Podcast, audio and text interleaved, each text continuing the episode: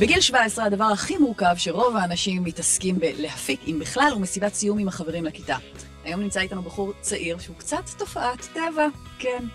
אה, בקושי מותר לו לנהוג, לשתות עוד אסור לו, אבל כבר יש לו משרד תקשורת ויחסי ציבור מאז גיל 13, שזה קצת אחרי שהפיק קמפיין ארצי מתוקשר עם שורה של סלבס ומובילים, וכיום, קצת לפני אה, גיל גיוס, הוא יחצן במשרה מלאה עם רקורד מקצועי שאנשים בגיל כפול משלו יכולים רק לחלום עליו, אז הוא כאן כדי להסביר איך עושים דברים כאלה חסרי תקדים, מה המחיר ולאן ממשיכים מכאן. היי, איזה אורי נעמה. צרור, תודה שהצטרפת אלינו למושכים בחוטים. אני רק אגיד למאזינים שאני ליאת ברטוב שדה ואני מחליפה את מולי ארי שחולה ונשלח לו אה, נשלח איחולי לו בריאות. בריאות, הכי חשוב. אז מה, מי אתה? מה אתה? מאיפה אתה בא ומה זה הדבר הזה ומה ההורים שלך עשו אוקיי, שגרמו אז לך להיות קודם כל, כזה? אני חושב שמי אני כבר הסברנו מאוד מאוד יפה, נכון. אבל בטייטל המקוצר, אורי צרור, המפיק כביש יחסי הציבור הכי צעיר בארץ, יש לי משרד יחסי ציבור שמתעסק במגוון תחומים, תרבות, קולינריה, צרכנות, אופנה, ביוטי, אה, קולינריה ועוד ועוד ועוד ועוד. מאוד אוהב מה שאני עושה, שמתי לב שאמרת היחצן הכי צעיר בארץ, זאת אומרת זה חלק מהמיתוג שלך. בטח. אתה... תשמעי, כמה עוד יחצנים יש בגיל שלי? את יודעת מה, איש יחסי הציבור הצעיר בארץ, לא יחצן, אם כבר מיתוג. כן, אני אתה כמה צעיר. שפחות מתרחק מיחצן, כי יחצן זה הרבה פעמים בקונוטציה של יחצן מסיבות, ואני, לא אין לי יחצן. קשר לדבר אוקיי, בכלל? בכלל. אז אתה בעצם לקחת את הדבר הזה שיכול להיתפס כחיסרון, איזה משהו שיכול לגרום לאיזושהי רתיעה, והפכת את זה לחלק מהמיתוג, נכון. והפכת לימונים ללימונדה, כמו בוודאי, ש... זה. branding. אה, איך זה התחיל? אני מבינה שזה התחיל מאיזה קמפיין אידיאולוגי. אה, זה לא התחיל מזה באופן ספציפי, זה התגלגל. הייתי, קודם כל אני נולדתי יזם. כן, אני כאילו תמיד הרגשתי את זה, שתמיד הייתי רוצה לעשות וליזום, הייתי נורא בוגר. גדלת בבית זה תמיד- יזמי כזה? לצ- לצערי לא, אבל uh, כן קיבלתי מהבית שלי הרבה תמיכה, ותמיד הייתי, תמיד אמרו לי כמה אני טוב, וכמה אני מסוגל, וכמה... אני- נתנו לי ביטחון, זה, זה, זו, זה הסוד. כן. וזה הסוד, חד משמעית. כן, אבל אה, לא, לא גדלתי בבית יזמי, אני לאט לאט, את יודעת, ככה נכנסתי לעניינים, והתחלתי לעשות דברים ביוזמות חברתיות למיניהן וכולי, ומבלי לדעת מה זה לתקשר או מה זה יחסי ציבור, הייתי מתקשר את היוזמות שלי ואת הפרויקטים שלי, ולאט לאט מה, התחלתי בסביבה להבין. הטבעית ככה, בסביבה הטבעית, התנדבויות וכאלה. כן, את יודעת, בתקשורת המקומית וכדומה, ולאט לאט התחלתי להתגלגל קצת יותר, ולתקשורת הארצית, ודברים בסדר גודל קצת, יותר רחב וגדול. ואז בגיל עשר, כיתה ד', בוא נגיד הגיל שבו אני יותר, הייתי איך עסוקה הרצל. ב... אם אריק מליקסון יראה אותי או לא, ואיך עוברים ליד הבית שלו בלי שהוא ישים לב, אתה בגיל עשר הרמת חתיכת הפקה. זה היה, זה, ה- אם אנחנו מדברים על די לאלימות, זה היה יותר בגיל מאוחר, בגיל 12, מאוחר. אבל אה, כן, זה היה, אני עד היום לא מצליח להבין איך עשיתי את זה, כי זה מבחינתי בלתי נתפס. את יודעת, בגיל 12 גייסתי צוות צילום, באמת, ברמה הכי מקצועית שיש, לא עכשיו איזה חבר שבא לצלם. צלם מקצועי שזו הפרנסה שלו, עורך מקצועי שזו הפרנסה שלו, אולפני צילום, סלב שפניתי אליהם בלי היכרות מוקדמת. וזה היה משהו אה. אבל שבער לך קצת. כן, אה, זה בער לי, אני...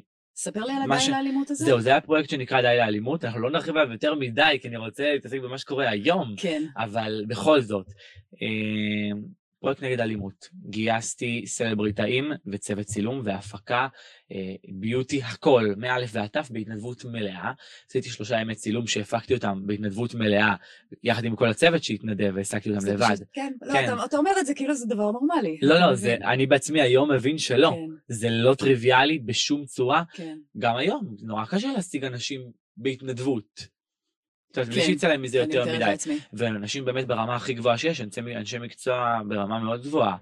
ועשית את כל הדבר ו- הזה כשאתה בבית ספר יסודי בעצם. נכון, אני בבית ספר ועשיתי את זה אה, לבד לגמרי. שיעורים, אה, להגיע לבית ספר, לעשות שיעורי בית, מבחנים, איך זה מסתדר? זהו, את- הייתי אז בתחילת דרך די מצליח לשלב, היום כבר לא, כי אני תכף נגיע לזה על זה שפרשתי, אבל אה, הצלחתי לשלב.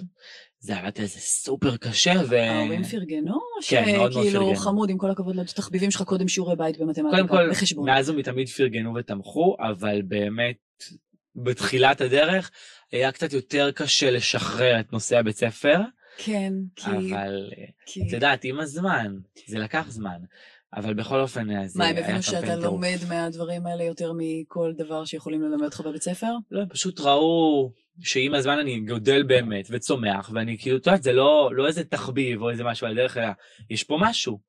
וכולם מדברים איתם על זה, והם רואים שגם נכנס כסף מזה, ואני אוהב את זה ונהנה מזה, אז ו- אני חוזרת- ובוער בי. חוזר עוד שנייה על הקמפיין, די לאלימות הזה, זה היה קמפיין ככה משהו שבער בך נכון. אה, זה, ואז אתה לא ממסגר את זה בתור אה, דבר מגניב שעשיתי אה, בילדות, אלא אתה מחליט להפוך את זה ממש לביזנס, ואז אתה מתחיל מה? לאט לאט אני התחלתי להתגלגל ולהכיר אנשי מפתח, זה לא אמרתי, זהו, אני מחליט להפוך את זה לביזנס, זה לא היה ככה.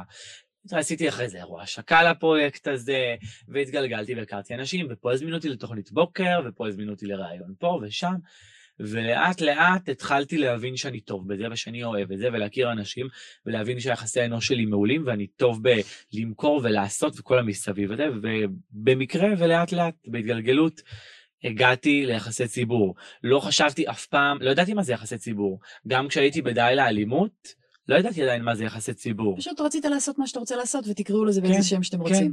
ואז החלטת... ואז לפתוח- התגלגלתי ועבדתי, ובגיל 13, אחרי שכבר הבנתי איפה אני נמצא, ומה אני עושה, ואת הכוח שלי ושל הקשרים שלי, ואת איך זה עובד ולאן זה הולך להתפתח, הלכתי, בהצעות שקיבלתי, הכספיות, אז היית צריך לעשות אה, סדר הייתי צריך בכספים, לעשות סדר. ופתחת ו- משרד נכון. בגיל פתחתי 13. משרד יחסי ציבור, פתחתי עסק, אני לדעתי הילד היחיד בארץ שפתח עסק בגיל 13, כי על פי זה חוק בכלל, זהו, לא חוקי. בגיל מותר 14. לפתוח מגיל 14 ויום. ממש זה היה הרבה מאוד ריצות במע"מ ומס הכנסה וביטוח לאומי וכל תאר לי את הרשויות. הפרצוף של הפקיד במס הכנסה, או פקיד במע"מ, שמגיע קשה ילד בן לתאר את הפרצוף 13. הזה, וזה היה נורא מצחיק. מה, ניסו להגיד פרצוף כאילו של לא יודע איך לאכול את זה. של חמודי איפה אבא? אה, לא, קודם כל אבא היה איתי בכל אוקיי. זה. את יודעת, בכל זאת רשויות וזה. נכון. ומישהו צריך להסיע אותי, אבל אה, כן, אה, הלכנו לרשויות, זה היה לא פשוט, כי את יודעת, שוב, יש חוק במדינה, אבל את יודעת, הצלחנו דרך מע"מ ומס הכנסה והרשויות למיניהם, כן החליטו לשתף פעולה ופנו למשרדים הראשיים בירושלים וכולי וקיבלו את האישור. באמת רצנו עם זה ופתחתי עסק. עסק שעושה מה? יחסי ציבור. יחסי ציבור. ואתה בעצם בשלב הזה מתחיל לגייס לקוחות. זה לא בדיוק ככה, כי אז אני פתחתי את העסק בגלל הביקוש שהיה אליי.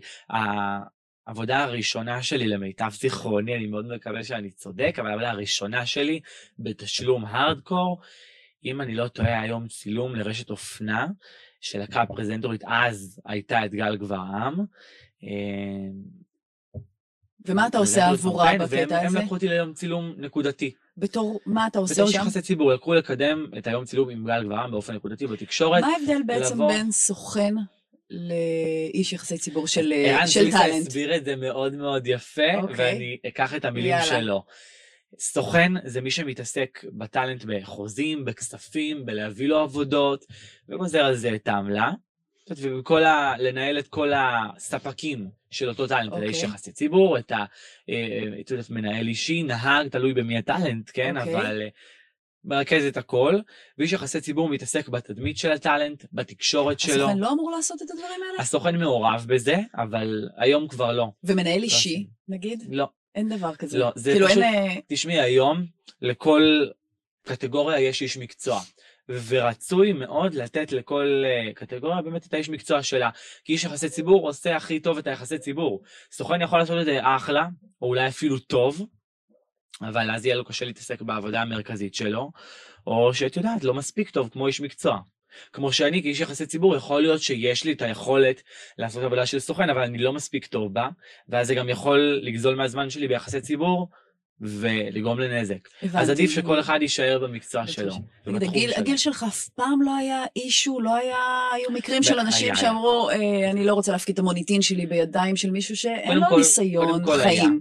קודם כל היה. כן. אה, בתחילת הדרך בעיקר היו הרמות גבה, זה לא היה פשוט, את יודעת, אה, להשתחל ולהתברג לאיפה שאני היום, את יודעת, ככה בקלות, אבל זה מצחיק שאתה אומר בתחילת אותי, הדרך. כאילו אתה בן 17. בן 17 זה כמו ילד בן ארבע כבר. שאומר, כשהייתי קטן, סליחה, לא, אני מבין, אני מבין. אבל ארבע שנים אני כבר בתחום, ויחסי ציבור, לא יודע אם את יודעת, אבל יחסי ציבור כל יום זה כמו יותר מיום של בן אדם רגיל. ארבע שנים כאלה זה כמו שמונה שנים של אה, בן אדם רגיל. כן. זה לא פשוט. אבל אה, בכל אופן, איפה היינו?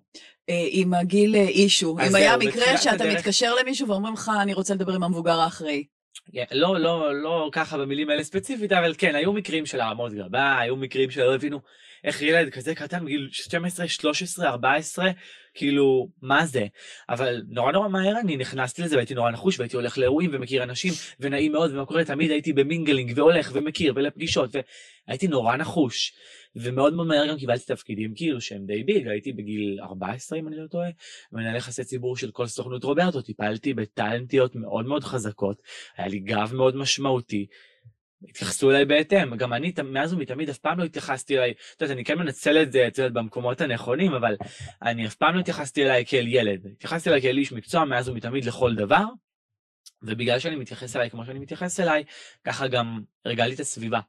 ספר לי בכל זאת על מקרה שנפגשת עם לקוח, או שניסית לא לחזר לך ספציפי, לקוח, לא היה לי מקרה ושהוא אמר ספציפי, לך... אבל אני אתן לך מקרה מהזמן האחרון, כי בזמן האחרון לא קורה הרבה, כי כן. פשוט מי שפונה אליי, פונה אליי, יודע שהוא יודע. מקבל מה שהוא מקבל, כן, אבל אני אתן לך מקרה שהייתי נניח לפני חודשיים, שלושה, בפגישה בחברת נדל"ן מאוד מאוד גדולה, בינלאומית, עם השלוחה שלהם בארץ, אה, שהם פנו אליי, נורא נורא רצו אותי, באמת נפגשנו אני והמנכ"ל ומנהל השיווק, והכל היה מהמם ואחלה, והם מאוד רצו אותי ומאוד כן. התרשמו, והייתה פגישה מצוינת, ואז... ואז קיבלתי מהם את הטלפון שלצערנו זה לא יכול להתקדם, כי לא הם, אלא השלוחה הבינלאומית לא אישרו את זה בגלל שאני מתחת לגיל 18. בקטע החוקי או בקטע של אה, מוזר להם? אני לא יודע אם זה בקטע חוקי או בקטע שמוזר להם, על פי חוק אין איזושהי בעיית העסקה, כי אני עסק לכל כן. דבר, ועובדה, את יודעת, יש לי כמה עשרות לקוחות ככה שעובדים על, אתה יודע, באופן שוטף אנחנו עושים להם ברוך השם עבודה מצוינת, ועל פי חוק זה כמובן אפשרי, אבל אה, לא יודע. ותגיד, בקטע פרסונלי, היו מקרים אולי בתחילת הדרך שחסמו אותך, או סיננו. אותך? מהמם. מה? מי חסם אותך? אני לא רוצה להיכנס לזה כי היום אנחנו מאוד בטוב, אבל מי שרוצה יכול להיכנס לקרוא כתבות בעבר שכבר השחרתי את מי? שחסם, כן. מה, ו- חסם ואחר כך אכלת כובע? אכל, חסם או חסמה? חסמה. חסמה. אוקיי. אנחנו לא נזכיר שמות לא כי נזכיר היא שמות. חברה טובה היום ואני מאוד מאוד אוהב אותה, אוקיי. אה, אבל מפורסמת מאוד מאוד מוכרת שכולנו יודעים מי טוב, זו. האמת קראתי ואני יודעת את השם, אז אבל יודעת, אבל לא אבל אני לא תגידי. אגיד. אוקיי. כן, אז אני אספר לך ואת תגלגלי בראש את הסיטואציה, שבערך, קודם כל אני פגשתי אותה באותו יום שהכתבה הזו היא באמת פורסמה. חמודה. אוקיי. כן, מהממת. באותו יום שהכתבה פורסמה ורק ניסיתי להתחמק ממנה באותו אירוע שאני הפקתי אותו אגב. אה, ולאחר מכן, בערך שבועיים אחרי הכתבה הזאת, אני הייתי ביום הולדת של גם סלב אחר שהוא, אז אני הצגתי אותו באותה תקופה, והוא הוא ספציפית החליט איפה אני יושב ועם מי, הושיב אותי לידה? במקום ספציפי, ואז כשהיא באה, אמרה לי- הוא אמר לה, את תשבי פה, לידי ממש. והיא ידעה. שאתה הבחור שהיא חסמה?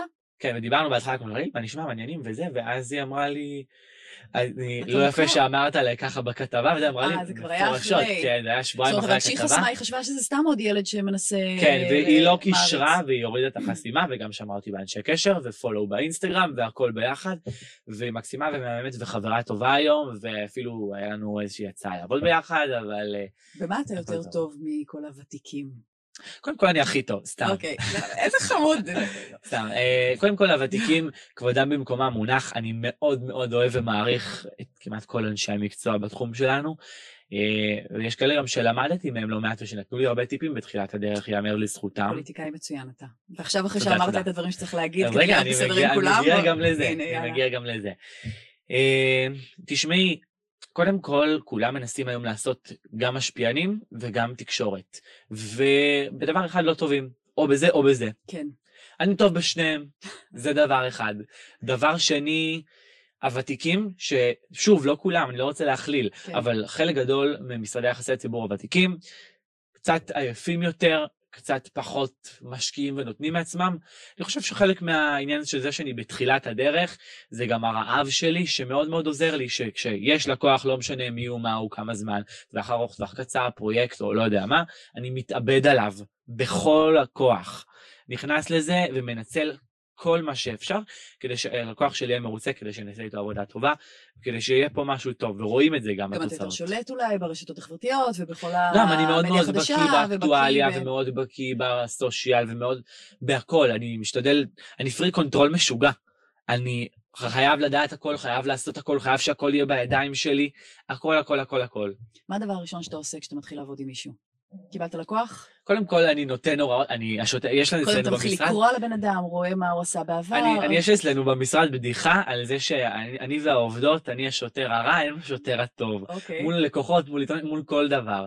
אני השוטר הרע. אז קודם כל, אני מעמיד במקום, מסביר להם איך זה עובד, שזה תהליך, שזה לא, את יודעת... אה, מסביר להם מה כן. עשו לא בסדר עד עכשיו, ואיך אתה הולך לא, לתקן. אני לא, לא מסתכל על העבר, אני לא מסתכל על העתיד, אבל אני מסביר להם איך זה עובד. קודם כל, אני השוטר הרע, מסביר להם כמה זה קשה והיום נורא סתם. אני מסביר להם כמה זה צריך סבלנות לזה, ואת כל התכונות שצריך לדבר הזה, ושצריך כמובן שיתוף פעולה הדדי, אחרת אין פה כלום. מעביר רשימה מסודרת של כל החומרים שאני צריך, מקבל אותם, ואז ככה אני מתחיל כאילו, הם לעבוד. באו לעבוד, באו לעבוד, לא אצלך, אבל יש עבודה. זאת אומרת, יש זה לא עבודה, עכשיו, יש אה, עבודה. תעשה אותי מפורסם, ו... ברור. ומי שבא בגישה כזאת, אני אוטומטית אומר, קודם כל תהיה מוכשר. שמח להכיר, כן. אבל זה לא עובד ככה וזה לא המקום. זאת אומרת, הוא צריך להיות מוכשר, צריך- הוא צריך להיות אה, hard worker, צריך מוצר טוב. וצריך רצון לשתף פעולה ולעבוד. ותגיד, כמה מתוך העבודה שלך זה כיבוי שריפות של כל מיני משברי יח"צ וכאלה? זהו, במסגרת הלקוחות שלי זה לא המון. טפו טפו, שלא יהיה לי פתאום איזה משבר שנצא אבל תמיד מפה. יש, כן. אבל יש. בערך היום זה משהו כמו 20% מהעבודה, שזה עדיין לא מעט, אבל במשרדים קצת יותר גדולים וגם סוג לקוחות קצת יותר גדול, זה אפילו ברמת ה-50% מהעבודה. ניהול משברים זה לא פשוט, זה מאוד מאוד קשה, אבל חלק מהעבודה, וגם מזה אני נהנה. דיברנו על משברים, כן. טהוניה, איך אתה היית מנהל את אה, מה שקורה איתה עכשיו? תשמעי, מאוד מאוד קשה לי להגיב על זה. קודם כל, מי שמנהלת את האוניה, שמנהלת לה גם את היחסי ציבור וגם הסוכנת שלה, אורית שרף, חברה מאוד מאוד טובה שלי, אני חושב שהיא אישה מוכשרת, גם הייתה מנהלת יחסי ציבור של התאגיד, למיטב זיכרוני, אישה מקצוענית ברמות. אה, טאוניה, גם אני מכיר אותה באופן אישי, והיא חברה ואישה מקסימה, הייתה אצלי ביום הולדת. לפני אה, שלושה שבועות, כן. נדבר גם על האירוע המטריף שהיה כן, לי. נכון, שמעתי על אבל זה. אה, בכל אופן, אני אירוע שלא יכולת לשתות בו, כי... נכון. ואני מייצג, נגיד לזה, גם שאני מייצג חברת אלכוהול ל-18 פלוס, נגיע גם למשבר שהיה אז. אבל טהוניה. התעשייה כן. הרכשה וגעשה. בכל אופן, טהוניה. תראה, לרשום לעצמי, לא- לא לא לשכוח. את זה. אה, טהוניה. טהוניה, אני חושב שהמשבר שלה הוא חצי חצי כזה, כי באמת מצד אחד הקהל, אני קראתי את התגובות, ואני, את יודעת, גם מדבר עם אנשים, גם עם אנשי מקצוע וגם עם הקהל, בסוף אני, את יודעת, חי את השטח גם. כן. וכולם, ברמת 99% ממי שאני מכיר ומי שיצא לי לקרוא את התגובות וכולי, בצד שלה. וואלה. זאת אומרת, היא כבר יצאה מפה טוב, היא, היא יצאה באמת אישה, את יודעת, אולי קצת הקטין אותה העניין הזה של הבת זוג שעשתה באמת פה, אבל זה כבר לא בשליטתה. כן. אבל מהצד שלה, היא עשתה טוב שהיא לא יותר מדי הגיבה אש, היא עשתה טוב בעיניי שהיא לא נכנסה לזה יותר מדי. אה, אתה אומר שניהלה את זה כמו מזה- שצריך. ויצא מזה היית סך בכל הכל זאת טוב. נותן איזה טיפ הייתי, משנה כמה מה דברים, היית משנה? לא עולה לי משהו ספציפי, כי זה הכל פשוט בזמן אמת. ניהול משבר זה להיות עליו נונסטופ בזמן אמת, וזה לא פשוט, וזה די קשה. אני צריך לחשוב על זה מאוד מאוד לעומק, מה עושים במצב כזה, אבל בסך הכל של הכל, היא יצאה מזה די בטוב, היא לא יצאה מזה מאוד ברע. נכון, הקונוטציה היא די שלילית, אבל זה אתה מאמין אוקיי. בגישה הזאת שכל פרסום הוא פרסום טוב? לא. לא, אה? ממש לא.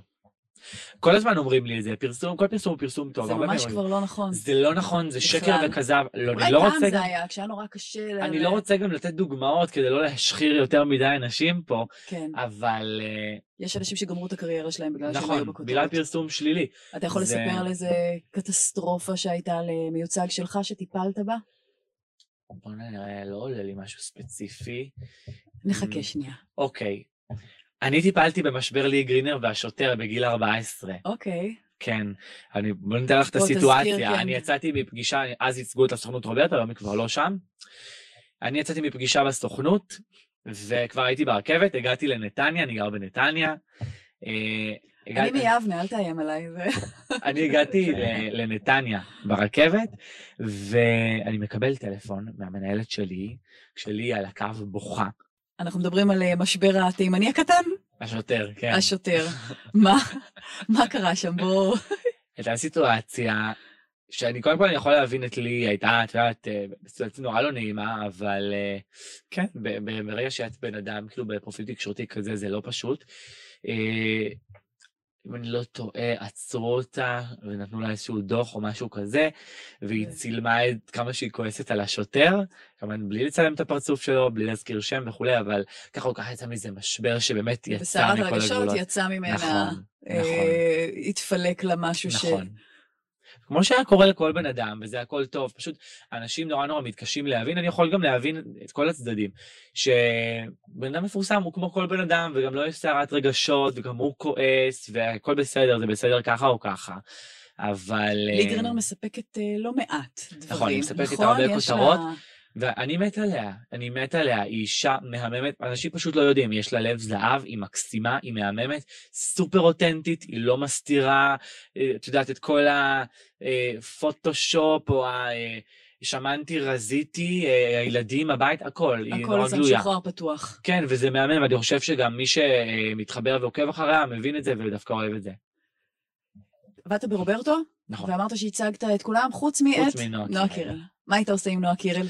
וואו, קודם כל אני חושב שעושים היית- איתה בלי קשר עבודה מעולה. קצת תקועה, היא מנסה עכשיו כאילו לעשות מיילי סיירוס ולעבור לליגה של המבוגרים, אני לא אבל... חושב אה, שהיא תקועה, כי אני יודע שבאמת היא עושה, היא עובדת נונסטופ, נונסטופ, ואם יש מישהי בארץ שיש לה את הסיכוי להצליח בחו"ל, זורקי, זה היא. חד האמת משמעית, שהיא kick ass, היא... היא סטארית לא נורמלית. ממש. היא סטארית לא נורמלית. היא חבר, לא חברה טובה, אבל אה, יש לנו קשר, אנחנו מכירים, והיא מקסימה ומהממת, ואני בכל זאת מאוד אוהב משהו שהיית אותה. עושה, היית יועץ ליועץ אה, שלה לעשות. אני לא יודע, אין לי משהו ספציפי. אני כן חושב שלאחרונה עשו איתה קצת דברים פחות נכונים.